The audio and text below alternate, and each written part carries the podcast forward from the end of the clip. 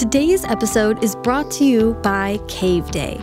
Cave Day leads group focus sessions for a worldwide community every day on Zoom.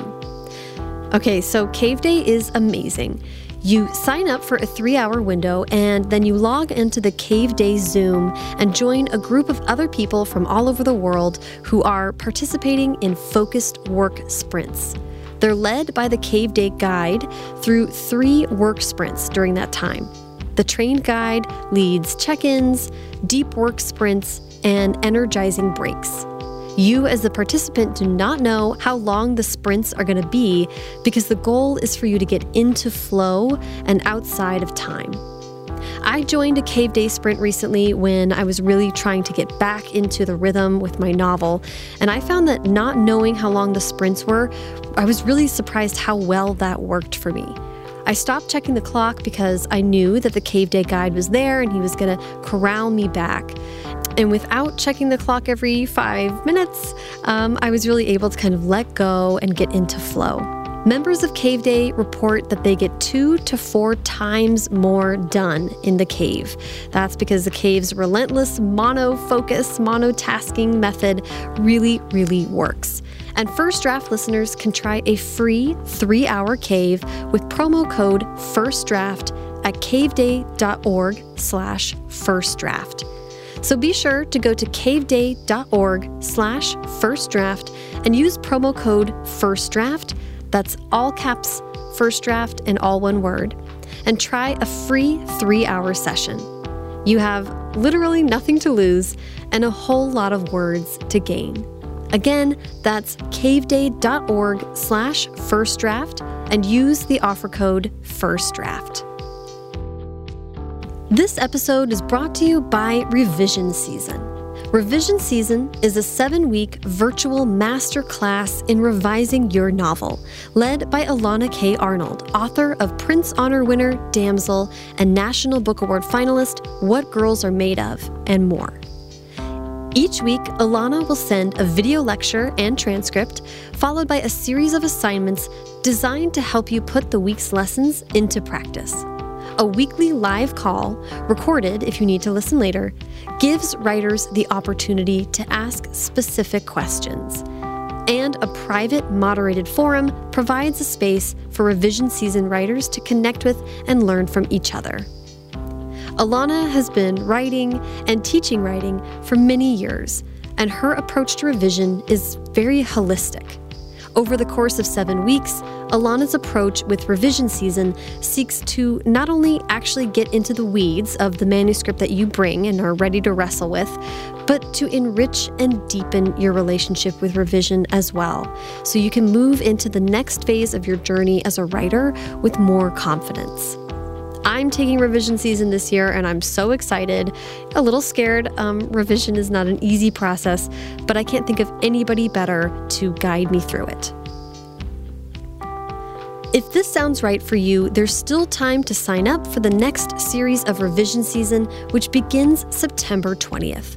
Students who enroll before September 1st get $100 off the price of the course. Learn more about Elana, revision season, and sign up for the course at elanakarnold.com.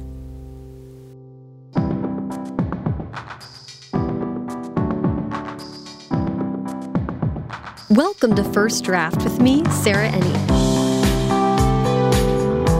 This week I'm talking to Adele Griffin, two time National Book Award honoree and author of almost 30 books for young adult and middle grade readers, including The Unfinished Life of Addison Stone, the Vampire Island series, The Becket List, and Sons of Liberty and Where I Want to Be. I so loved what Adele had to say about how she has seen publishing change over the course of her career, how her life as a young writer would have been so different if social media had been around, and her totally unique hand dot writing process. You kind of you got to hear her explain it. It makes sense. Everything Adele and I talk about on today's episode can be found in the show notes. First Draft participates in affiliate programs. That's specifically bookshop.org. The benefit to that is when you shop through and buy books through the links on firstdraftpod.com, a portion of the proceeds support the show and independent bookstores at no additional cost to you. If you'd like to donate directly to First Draft, either on a one-time or monthly basis, you can do that at paypal.me slash firstdraftpod. I hope you've been listening to the track changes episodes that have been dropping in the First Draft feed the last few months. The latest episode, which came out last week, was about marketing and publicity, and it seems to have sparked a lot of interest. If you're looking to get even more in depth about the publishing industry, I've also created the Track Changes newsletter where every Thursday, sometimes Friday, I share more of the information that I gathered in researching for this project, all of which is just to contextualize the industry that you're in and to kind of hopefully give you a little more confidence as you move forward in your writing career. You can sign up for a 30-day free trial of the newsletter and learn more about both Track Changes projects at firstdraftpod.com slash trackchanges. Okay, now, please sit back, relax, and enjoy my conversation with Adele Griffin. All right. Hi, Adele. How are you? Hi, Sarah. I'm good. Good. It's so nice to meet you again. I like to start my interviews with a little bit of bio. Um, so I'm going to go way back to the beginning of where were you born and raised? I was born in Philadelphia. My dad was in the Army. And so I was raised kind of all over the world California, DC, Panama depended on where he was sent. Mm-hmm. Um, he was in special forces. And then back to Pennsylvania after my parents' divorce. Okay. Uh, how old were you at that point? 15. Okay. So a little bit of high school and then college in Philly. Okay. And then off to New York. Yeah. So I want so you're you have had a very illustrious career in in publishing books and yet you are someone that was kind of difficult for me to research for this interview because I'm pre online. Pre online, and I couldn't find as many interviews and things like that. So, um, so I'm going to be doing a little exploring with you okay. and asking because I genuinely That's don't funny. don't know. That's really funny. Questions. Um, but let's let's back up actually before I start talking about college and on to working in publishing. I want to know about how reading and writing was a part of your young life.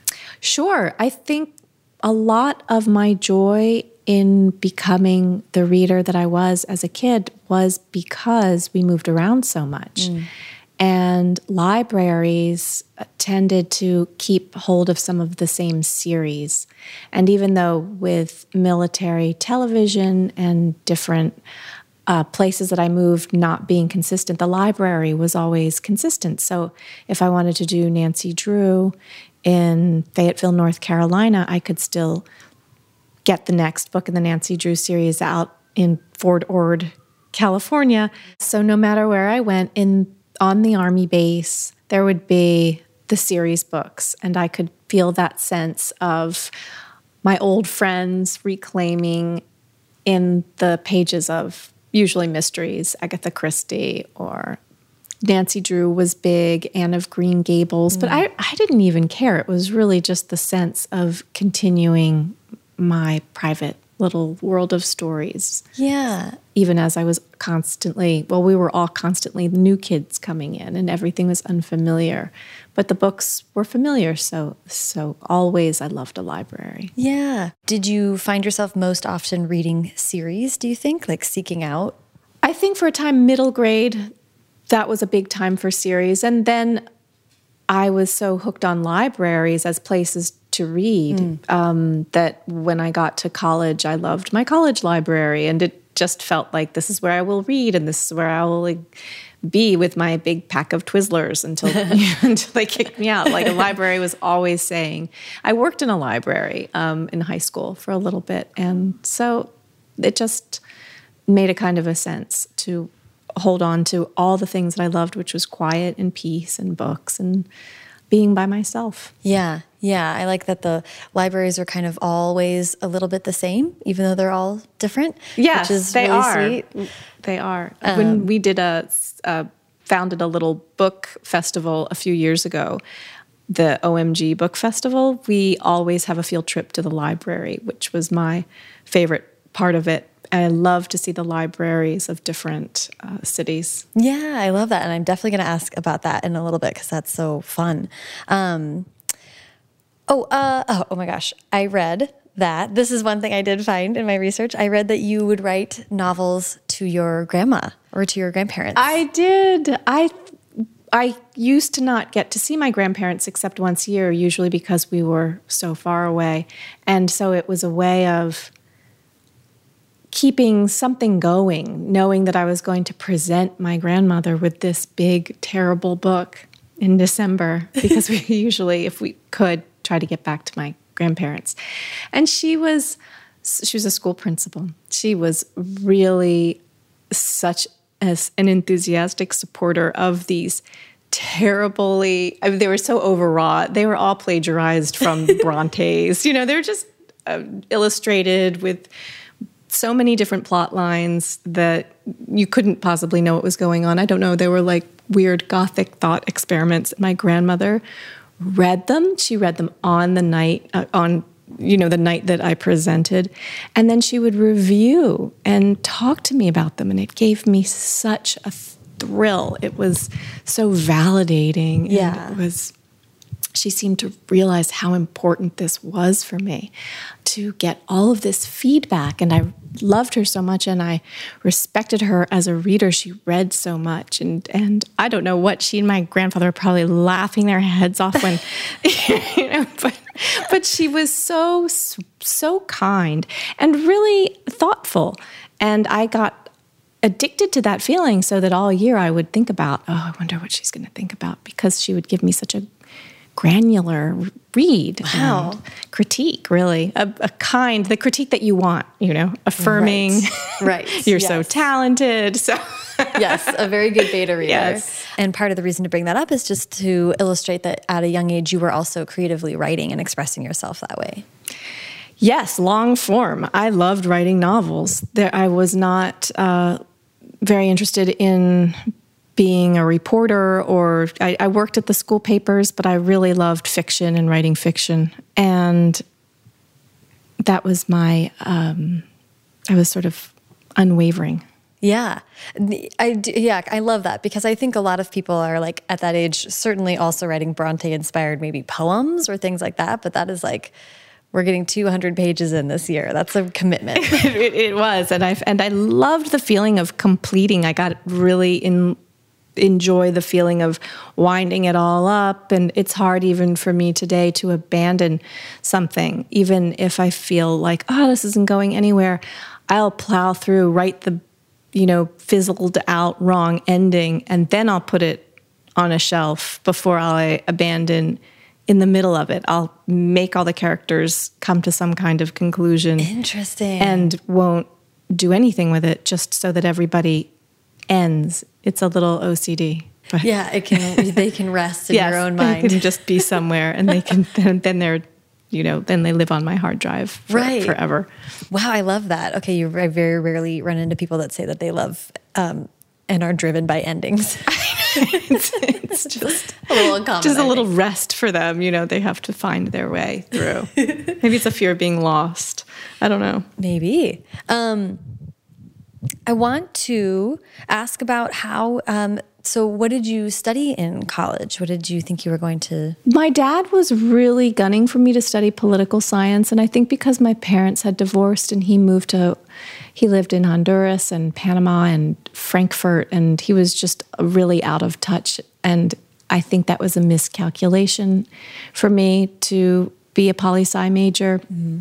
It was really just to sort of say, look, at me. And I took that degree and didn't know what to do with it. So I found an ad. I found an ad in the Village Voice to be an editorial assistant at Macmillan. And the old Macmillan building was 866 3rd Avenue. And then I found an apartment, like a little sublet over a deli on 3rd and 56th. And I didn't know New York City at all, but I recognized that, oh, if, if you're job is on 3rd and 53rd and your apartment is on 2nd and 56th, I could walk. So I moved, I got the job. I found I got the apartment. I mean, when I say apartment, that's very loose. it was like a space, it was a crawl space over right. a deli. And, and then I moved and just started working for Judith Whipple and Beverly Reingold, who were at Macmillan in the 90s. That is amazing.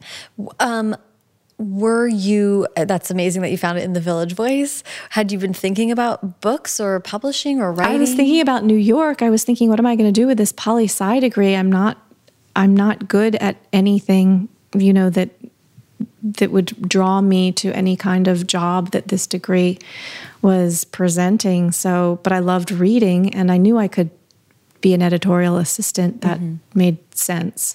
And I, but mostly it was just this real will to move to to New York.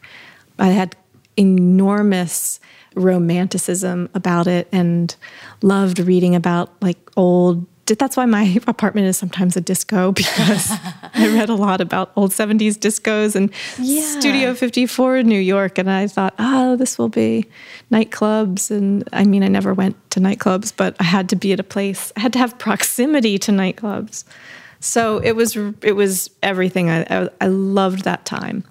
Um, my friend ended up moving, and then we got an apartment together she and I, my friend from high school, and we had a couple of great years. And then I lived by myself here, and then met my husband, and and we never left. We, I mean, we moved to Brooklyn. That was our big move. Yeah, yeah. Wow, that's amazing. It's it's. Um, I mean, it's really special when people find where they're supposed to be, and and actually it works.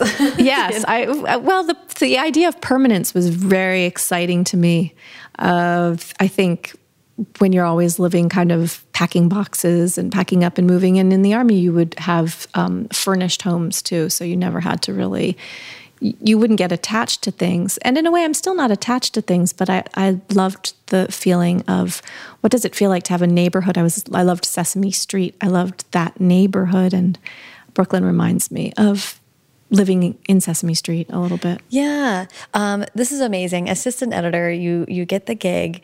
Um, and I have a very romantic vision of at least publishing during that time. What was it like getting started there, and how did you acclimate to the industry? It was a time of great, great change because we were going online, you know, with the AOL, and everybody shared one computer, and wow. we had a typesetter, and that was changing and it was a little bit strange to be at Macmillan because then Simon and Schuster took over in 94 I think in a lot of jobs what I saw was publishing sort of a big clean you know they kind of cleaned house mm-hmm. and it was sort of scary uh, to see just the whole department and all these people who had been there for a long time get wiped you know wiped out right. by just this day where everybody got fired. Wow. And because I was in such a lowly position, I immediately found another lowly position. I went to Hyperion, and I. But it was it was transitioning. It was putting things. We were logging slush pile onto, you know, computers, and it had it had never happened before that the slush pile was now getting into these people. We were putting things into automated systems, or the managing editor was putting things onto. Uh, spreadsheets and it had gone from never that to these you know now they would be such antiquated systems but right. it was a big it, you know the fax machine always going. Right. Oh my um, gosh. and the fax machine was the most important piece of machinery in the in the office. Yeah. So it was really weird. There was a lot more talking on the phone. Mm-hmm. Um, there was a lot more paper, physical paper. I'm guessing it was just a, uh, and I was in charge. Like all editorial assistants were in charge of just logging mm. because of this enormous amount of uh, paper. We were responsible for a, a lot of record keeping mm. that would be you could do it with one hand in half an hour, but it could be you know four or five hours in a in a day. Right. So it was you know old and creaky watching that cre- those creaky systems start to streamline. Yeah.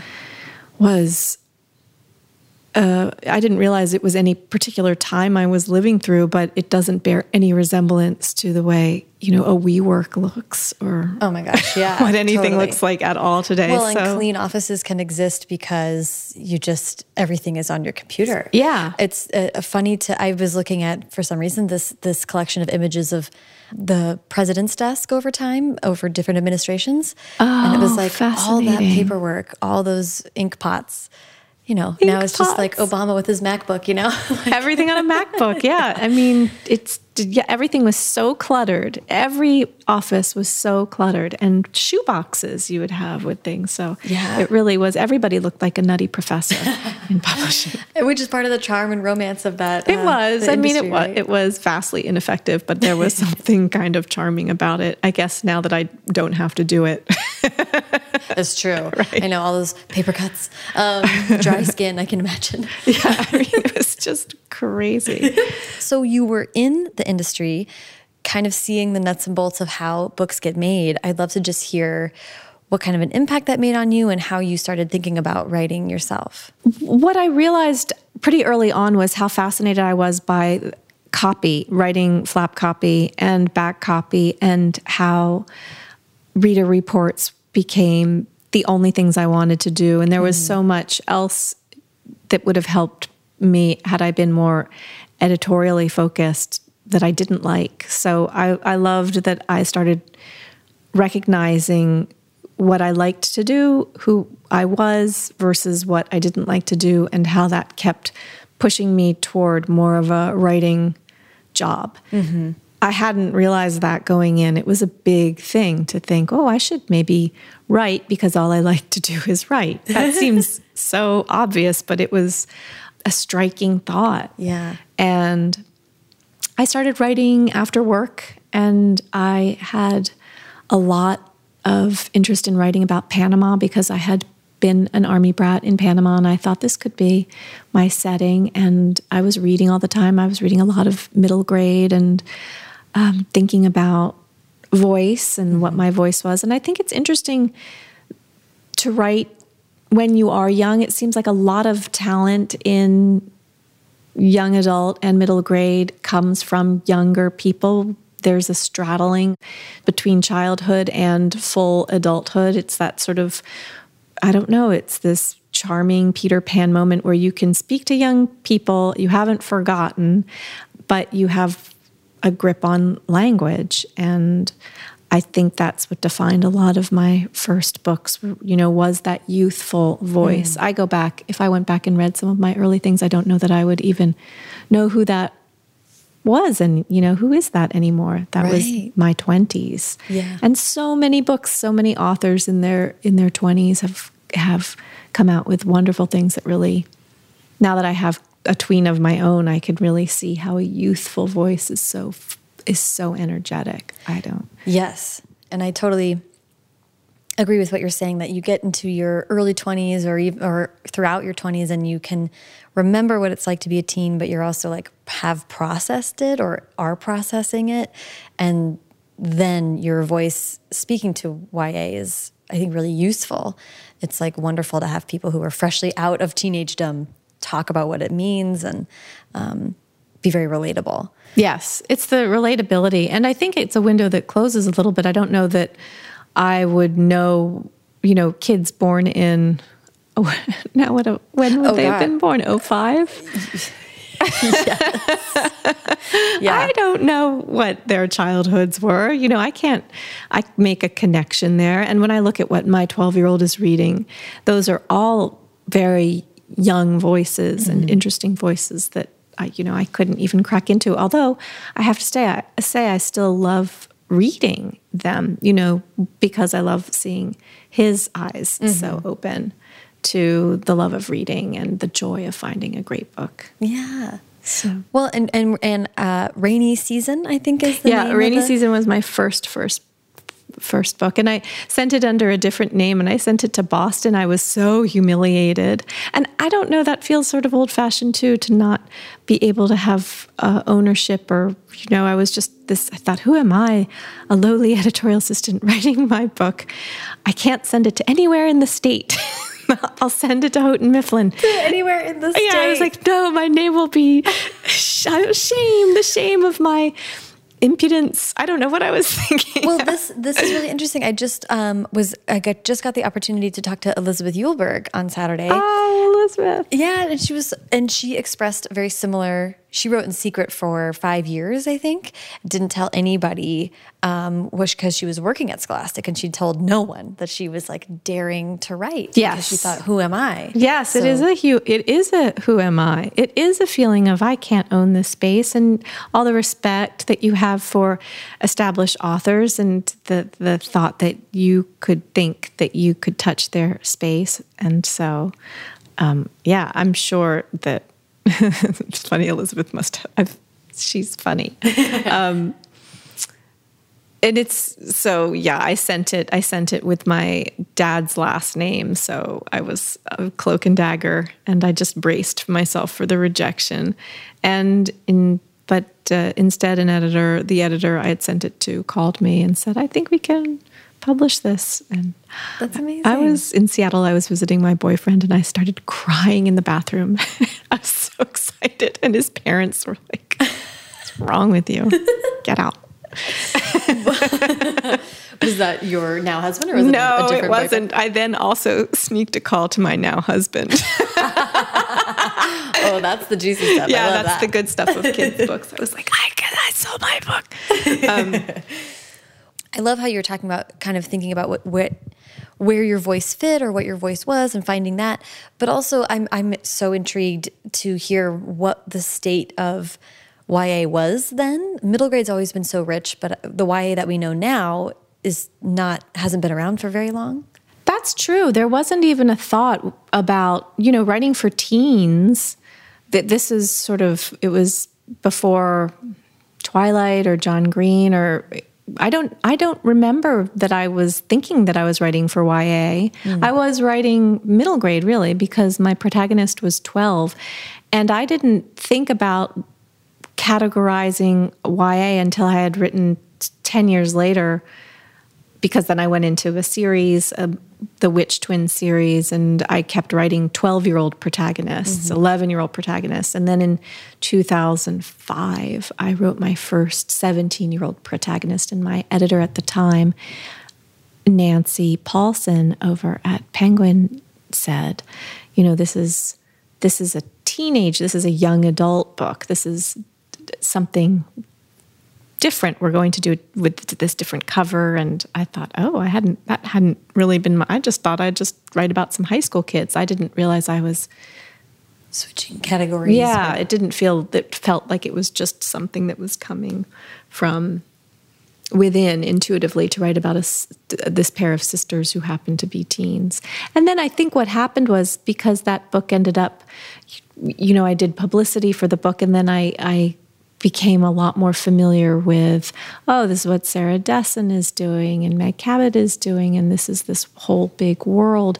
You know, I really wasn't online and doing a lot of socializing really with that with the YA people. It wasn't until a few years even after that that I really connected to all my, you know, colleagues and friends. I was just a little bit quiet off to the side, still army kid. right. I mean, were you still working in the industry or had you by then? I had by then stopped, but I was collaborating um, with my friend Lisa Brown. We were doing this collaborative, she's a um, graphic novelist, and we had been working on this hybrid book for a while. So I felt connected, but that wasn't really a straightforward YA. Mm-hmm. And it was something that just sort of had off-roaded me a little bit from thinking about again that my books were YA. I thought, oh, I just want to do this hybrid book, and right. um, that had been my next, which was my next project after where I want to be. Yeah, and although I did a few things in between, and I was writing screenplays with my brother, and that was also really interesting, and I loved do, doing that for a time. See, I didn't know you did that. um, I want to. I don't want to skip over um, Sons of Liberty, um, which came relatively early in your career. if I if I if I wrote all this, Yes, down. I couldn't get to all right. of them. yeah, it was 1997. Seven, yeah, ninety seven, and you'd done you'd done Vampire Island and the Witch and the Witch, Twins. Yes, I love those series. Those were really fun. Like I love that you know you do you have a broad um, array of types of books that you're that you write. And Rainy Season, your debut was a little more serious and um, and much like a lot of the other YA that we still see from you. But then you did a lot of fun younger series stuff too. I'm just interested in what um, what was the appeal to doing both, or was it a your frame of mind at the time, or how did you think about balancing those things? I did the Witch Twins because I had just gotten married, and my two identical twin nieces were suddenly this wonderful part of my life. And it was such a straight line to wanting to impress them and be the cool aunt. so I wrote those really quickly and had the Witch Twins series. And then Vampire Island, a little bit m- more of the same. I had this built in audience of two little girls who just were really fun. And that was a nice series books you know just made sense to me. They were fun to do and i loved keeping them the um, adventure going. In fact uh, right now i'm working on the second book of, of in a middle grade. There's something that is comforting to me about series. And Yeah. it's i will always i think go back if I keep writing books, it would be it's hard for me to stay away from series or brainstorming with other people about their series or reading series with my kids.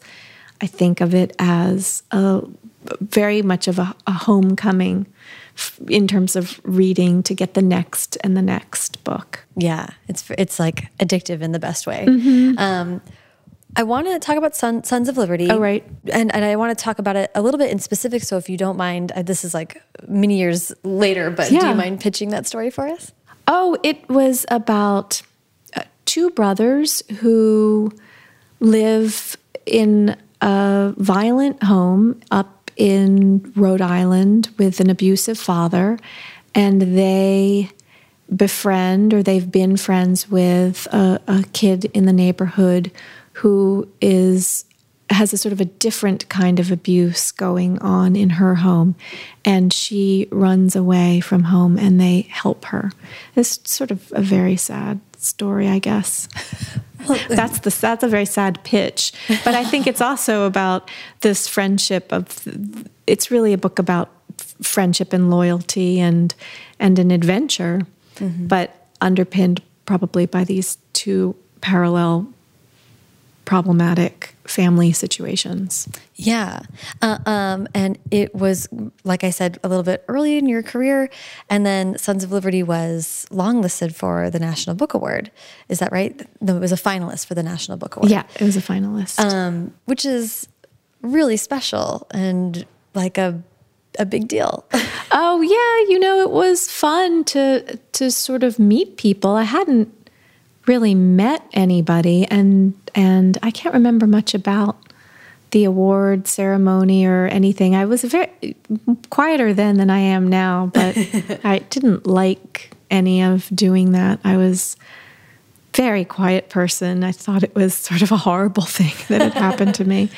And I think in an age of sort of the friendliness, well, at times of social media, that things like that would have would be a lot more comfortable.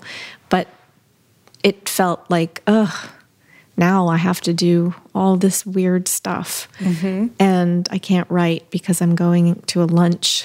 I know that sounds really bratty, but it was actually t- terror. I, I was really scared to meet people. I didn't like it. I was very shy. I was very young and I was embarrassed.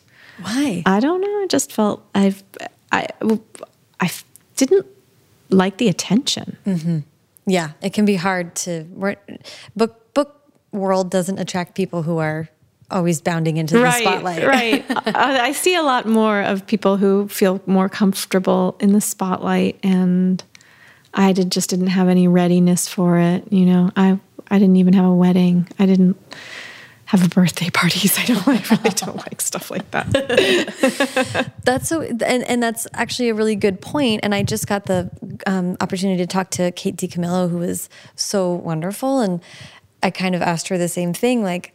How does your life change after something like that happens? And she was saying, like, well, it it comes with a lot of responsibility or a lot of um, not writing, like engagements and yeah commitments that you make, which is real. I'm just interested in how that changed. Did it change your perspective on your own career or like how did it impact you? I remember thinking, wow, I'm a terrible marketer. and thinking how important marketing was and how I was not going to be good at it was really hard. And couldn't seem to make myself be better at it. Mm. Even when I was doing more school visits or attempting to do a blog for a minute and a half, and I really didn't enjoy that, and I felt exposed. And mm. so that was hard because I felt like I had almost sort of brought it on myself mm. by having this book need to be more in the world. Mm. And the traveling was really, I wasn't a good traveler. Things that I feel are, this is almost like a scrapbook from someone else's life. But when I was in my 20s, I, I really didn't like talking in public, I didn't like panels. And when I say dislike, I mean abject fear of mm. panic attacks, so scared to get on trains and planes, so scared, but also dutiful and wanting to be a company person and respect the publishing house, but battling very real fear, fears of being out in the world. So I think that is all was just a part of my journey.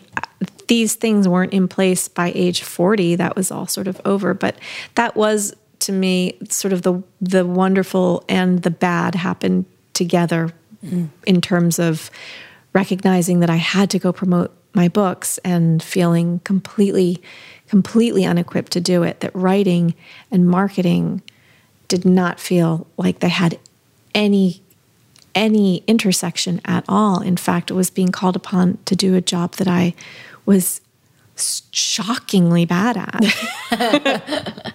yeah, no, it's it's um and a lot of people talk now about how writers have to be their own publicists or their own their own brand managers or whatever. Mm -hmm. But mm-hmm. yeah, it was not as de rigueur then as it is now or yeah. Or as obvious or easy. I don't know. Yeah, there is something I think that people can find their space and you can do things today. I mean, by doing book giveaways or figuring out, oh, what I know a lot more people. I think it was the loneliness and the fear of not having checking into a hotel and not actually knowing where I was. But Google Maps really changed my life. Knowing people changed my life. Knowing that I could be in touch. I I was really um, at a loss at how to network when I didn't know how anybody. And today, none of these things would be fears. It's I I think it's almost quaint and sad and sweet to think about myself that way because what would be more fun than you know hanging out with a bunch of friends and doing stuff and promoting that that all seems great but in the 90s, it was terrible. I don't know if it felt terrible or if it actually was terrible. Maybe it was some combination of the two, but none of those things feel the same yeah. today. Yeah, that's so interesting.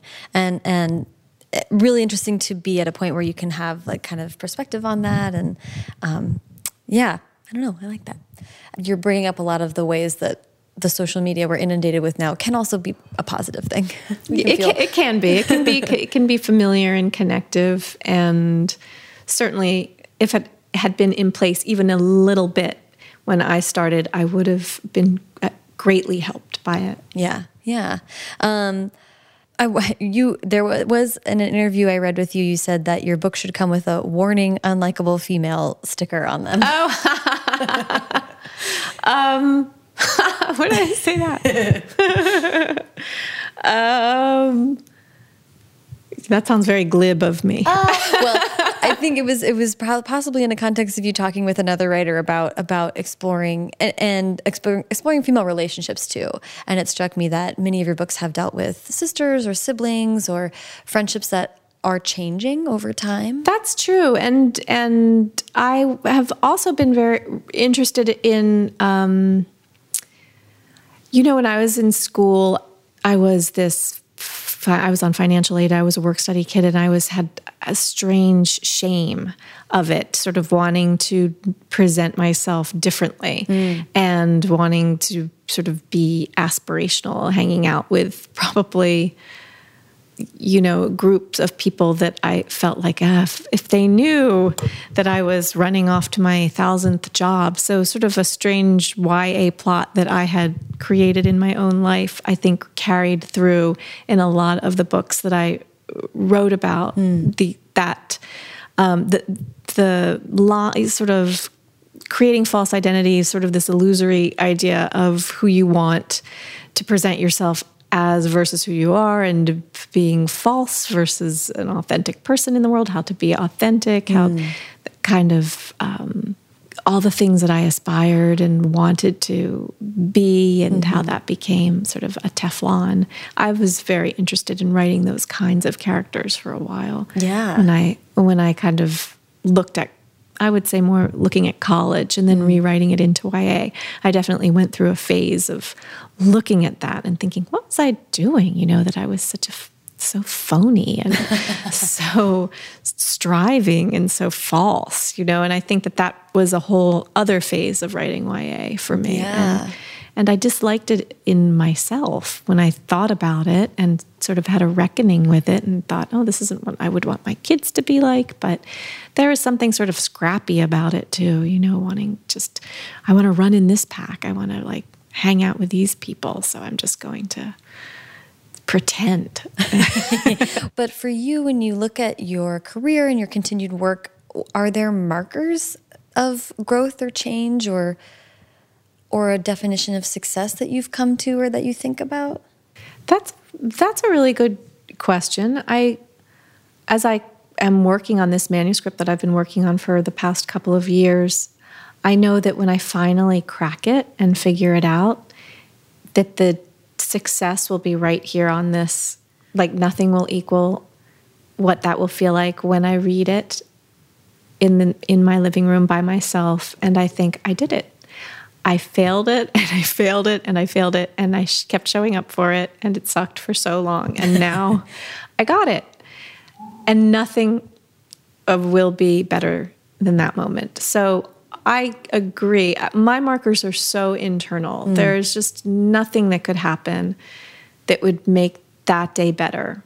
And in fact, I think that when things happen outside of that, I feel a little bit clenched up from them because I think, well, now what what does that mean? Mm. You know, what does this what does this review even mean? If it's a good a review can make me feel in some ways not as upset as something bad, but it could make me feel um, disorganized and ruffled up. You know, sort of, oh no, well, my next book is bad. I hope people know. That's really funny. so I don't, I don't think I have any kind of a good positive connection to what's coming at me because I can't control it. Yeah. And I love all of the feelings of writing. Yeah. Well, let's let's dive into that because I I can't help but ask how in the world you manage to be so productive. you have written many books, uh, many many books, and consistently. Um, so I'm just curious about what your process was, or how, or if it has changed over time, and how you kind of commit yourself to your work.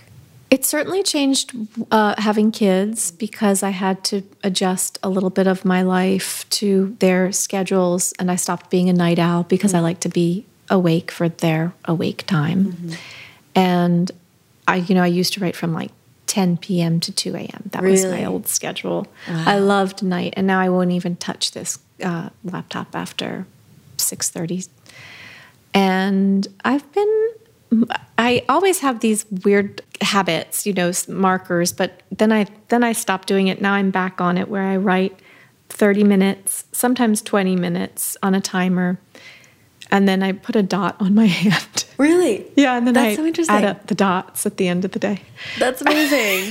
So your- that does- just so the time doesn't trickle away, you know. right. Is there? Are you looking to get a certain number or?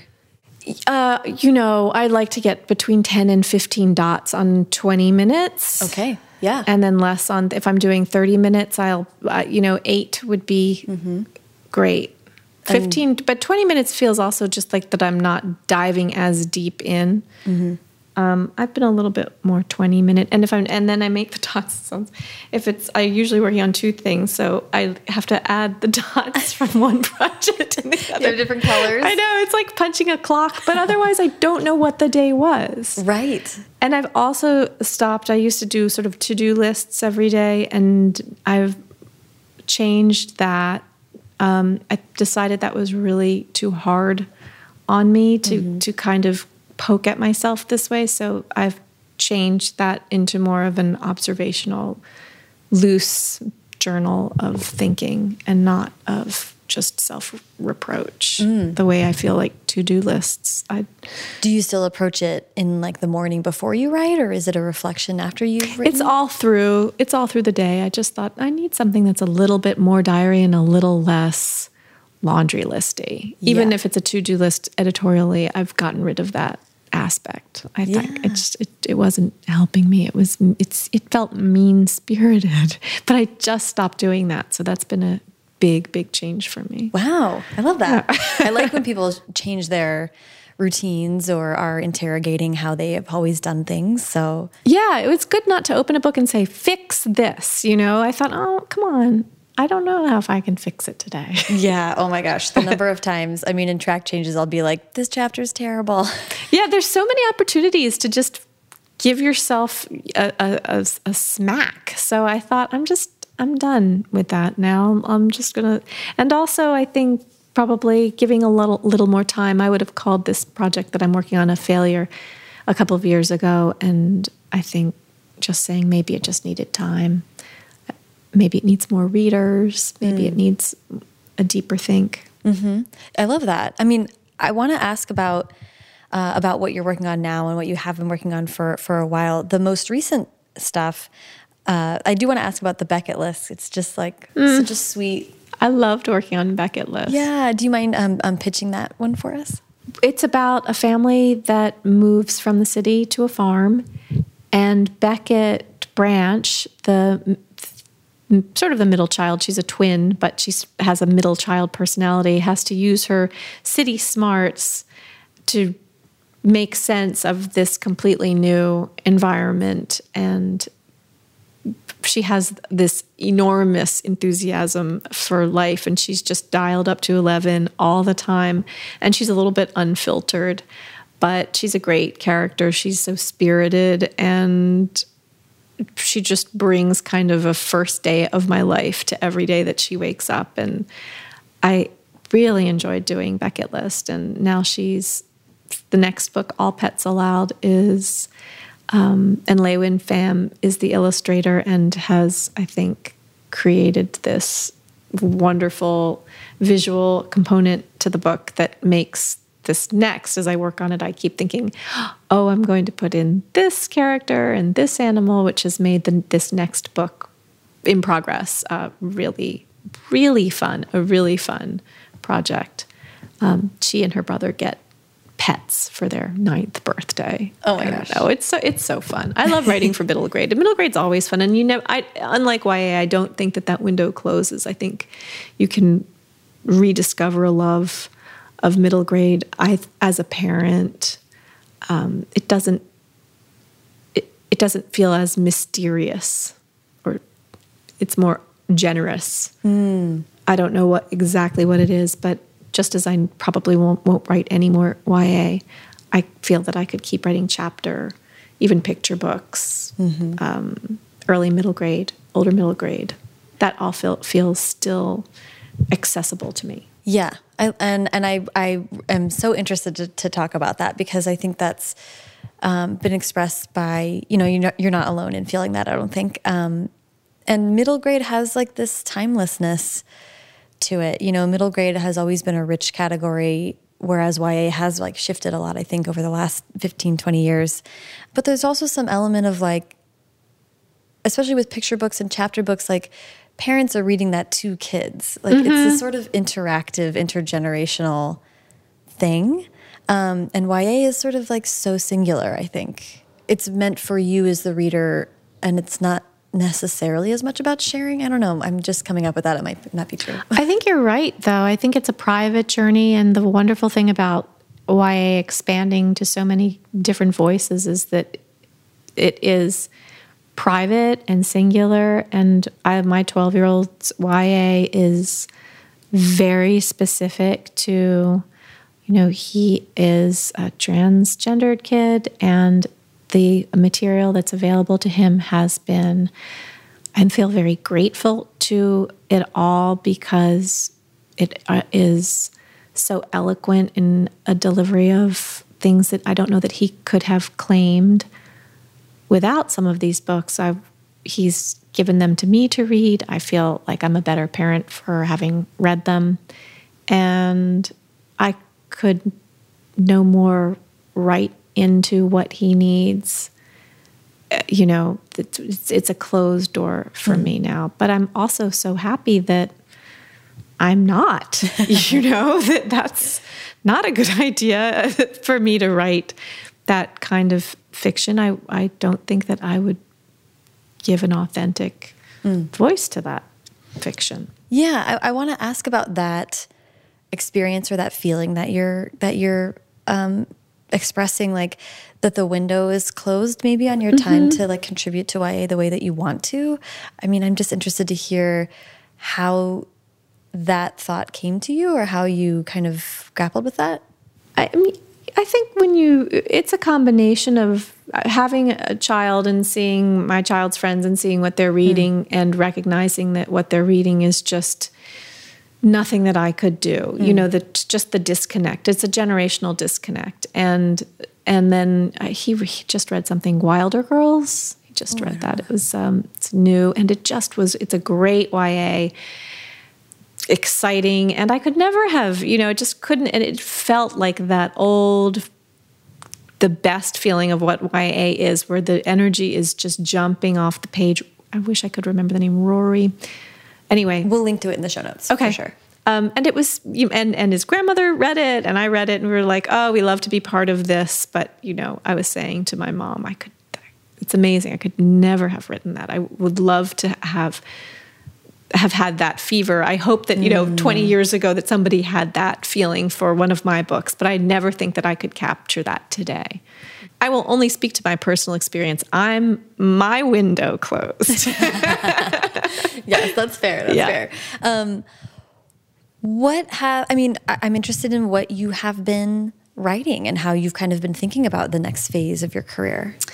I'm writing an adult novel that I've been really fascinated by, and it's been really interesting. I think every time I write it again, I learn new things, and I'm in it for the long haul. I think I am, once I finish this and get this the way I want it, or even if I don't, it feels a little bit like I'm changing how I write, that. I'm mm-hmm. coming out of this experience learning how to do something in a different way. You know, it feels like a clear shift.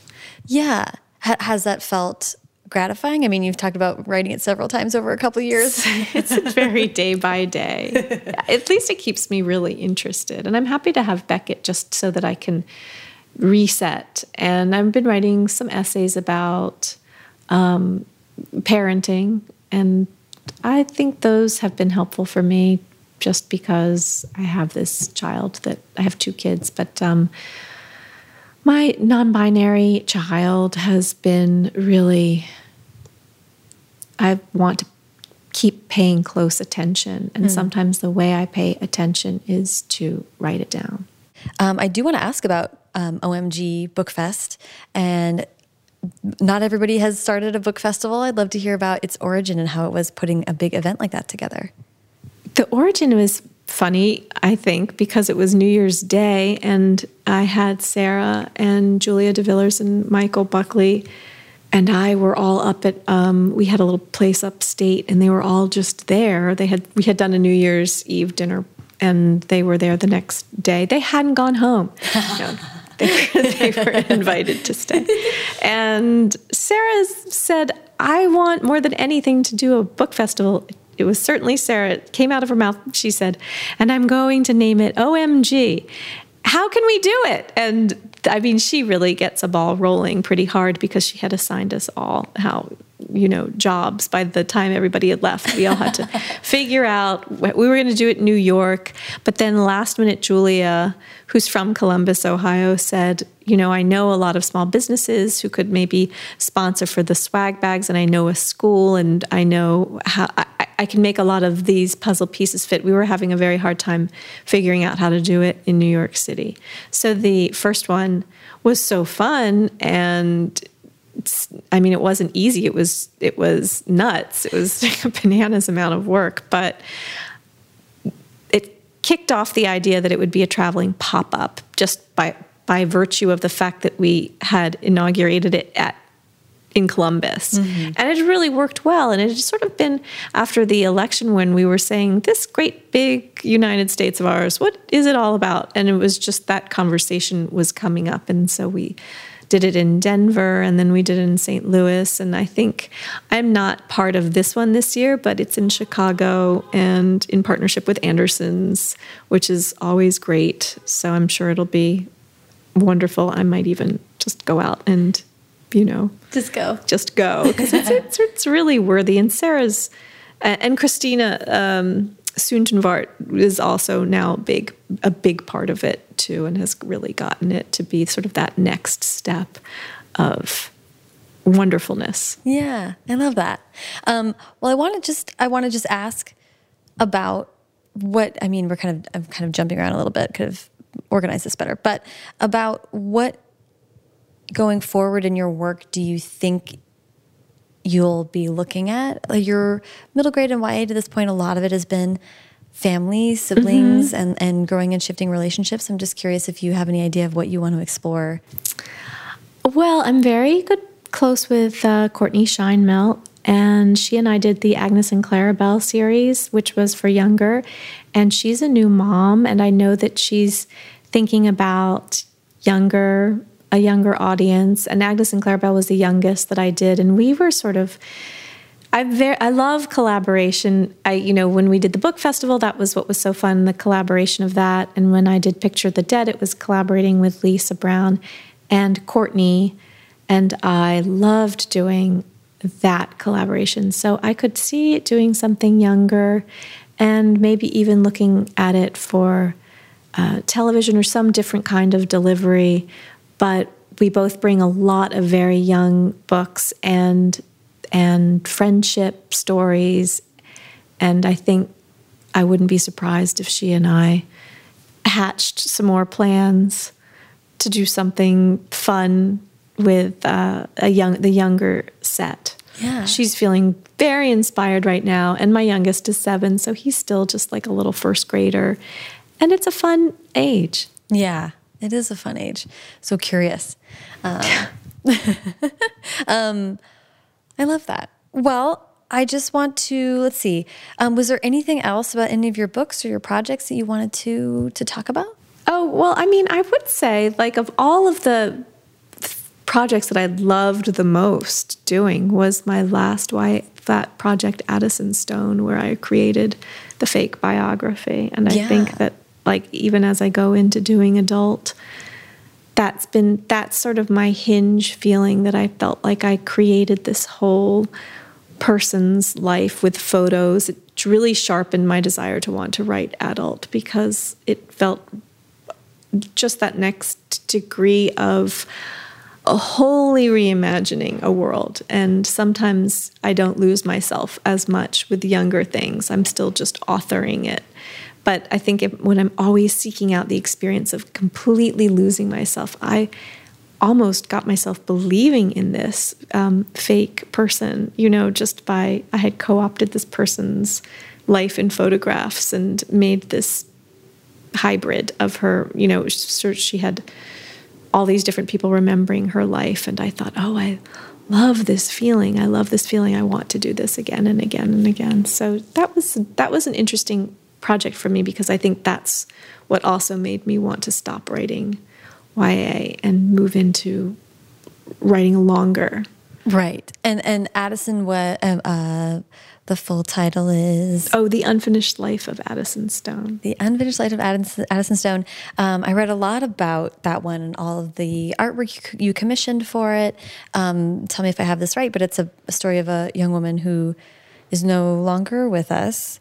She starts out, it's sort of like a memory of this artist who has died, and everybody's, it's, it's a memoir. Mm-hmm. Um, and it's a memoir told by all the different people in her life. So it's all these different voices.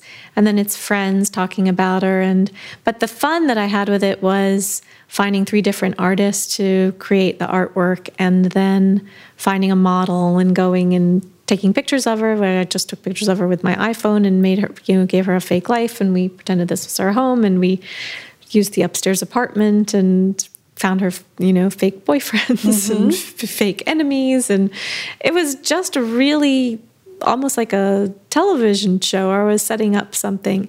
And I thought, oh, I loved putting all of these weird things together. And, and I was um, chasing something down with it that I thought I have to catch the fire of how much I love to do something. If I don't get super excited about something, I won't do it, or I'll do it in sort of this depressed, perfunctory way where I'll like finish it out and then put it away. But with Addison, I thought, oh, there's so much that's available.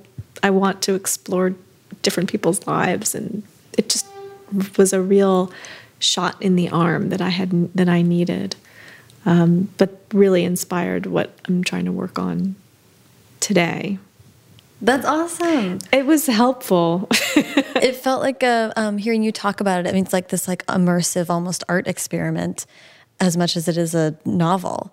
Yes, I like the feeling of experimenting. Mm-hmm. I realize that as much as I love the comfort of a series and writing a series, it's a completely different part of what I like to do, which is like at the mac and cheese of a series, knowing that there are not too many twists. If I could, in a perfect day, write one book in a series and then one write one book out on a ledge, that's the right that's the right dots. yeah, I love that.